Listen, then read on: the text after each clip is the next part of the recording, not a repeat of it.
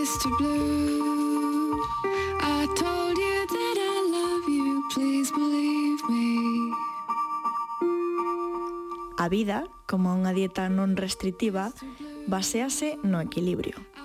O equilibrio entre as responsabilidades e o ocio, entre a verdura e as cervexas con amigas. Pero esa norma, tan sinxela no papel, ás veces é difícil de levar a cabo. Cando crece ese vaso colexo, coñeces a que será unha das túas primeiras responsabilidades na vida, os teus resultados académicos. Uns resultados que nesa etapa da túa vida semellan o máis importante do mundo, eh, porque en realidade tamén cho venden como o máis importante do mundo. Se non estudas, non vas ter un futuro.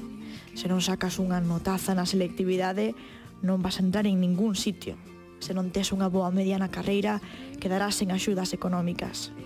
É realmente triste que todo se base nesa capacidade de memorizar e reter coñecementos que despois vomitamos sobre un papel, e que isto conleve todas as mozas que quedan detrás. Pero que ia no instituto, especialmente nesa idade tan complicada, na que é tan difícil como muller, aceptarse unha mesma, moitas baseamos gran parte da nosa valía neses resultados académicos. E o certo é que todas as que brillamos no instituto, as que estábamos a cabeza da clase en todo momento, tivemos que levar a malleira de chegar a unha universidade con a nota de corte na que absolutamente todas eran igual ou máis listas que a ti.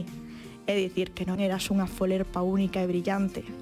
Algo así como o golpe de realidade que viven Amy e Molly en Book Smart cando se dan de conta de que non só elas van entrar nas boas universidades. Mientras vosotros estudiabais pajas avanzadas, yo estaba petándolo y subiendo la media y pienso seguir haciéndolo en Yale el año que viene. Así que me gustan mis opciones y estéis donde estéis, espero que a vosotros también.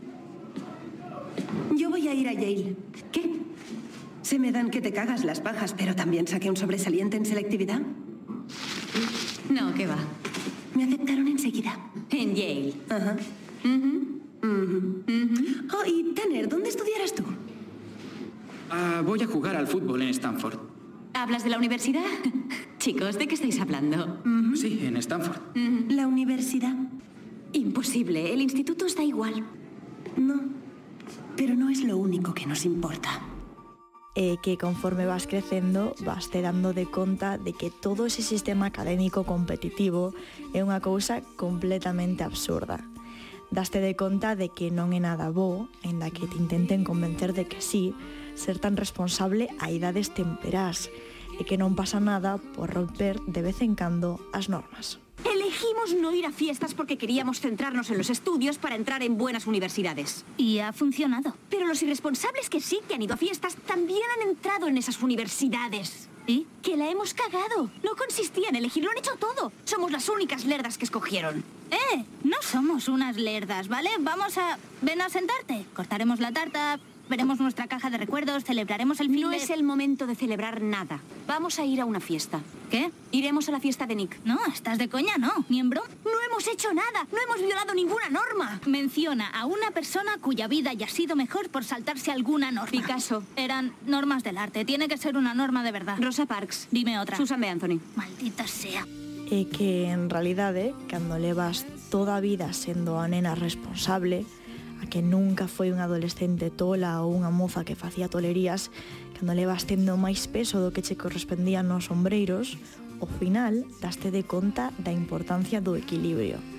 Pode que chegues a unha canella sen saída e te deas de conta de que todo ese peso podías non telo cargado tan cedo e que ao final do día, como lle pasa a Bojack, só so é responsable da túa propia felicidade. Oye, ¿te sabes la historia del padre de la tribu de los Brady? Que si me sé la historia, si la memoria no me falla, criaba a tres hijos. Sí. pero- Eran cuatro hombres que vivían juntos pero estaban solos, lo que sin duda es muy triste. No, la historia es que el actor que hacía de padre odiaba trabajar en la serie porque se consideraba un gran actor y se le quedaba pequeña. ¿Te suena la historia? Con la edad nos pasa a todos. Era un chiste, perdón, los sé mejores. Pues la mayoría no llega al nivel de la tribu de los Brady en cuanto a lo que quieren hacer con su vida. Tú ahora estás en una posición estupenda. Puedes hacer lo que te venga en gana. Eres responsable de tu felicidad, ¿sabes? Joder, qué deprimente. No, ¿qué va? Soy responsable de mi felicidad, ni siquiera soy responsable de mi desayuno. Por iso, para todas esas nenas que cargaron co que non lles correspondía, que fixeron de psicólogas, de confidentes, de adultas, para as que seguen asociando o seu valor co seu resultado académico, co seu traballo ou coas oportunidades que acadan nun sistema absolutamente precario. Para todas elas e para unha mocidade dependente da sertralina, a maior responsabilidade que tedes ao final do día é a vosa propia felicidade.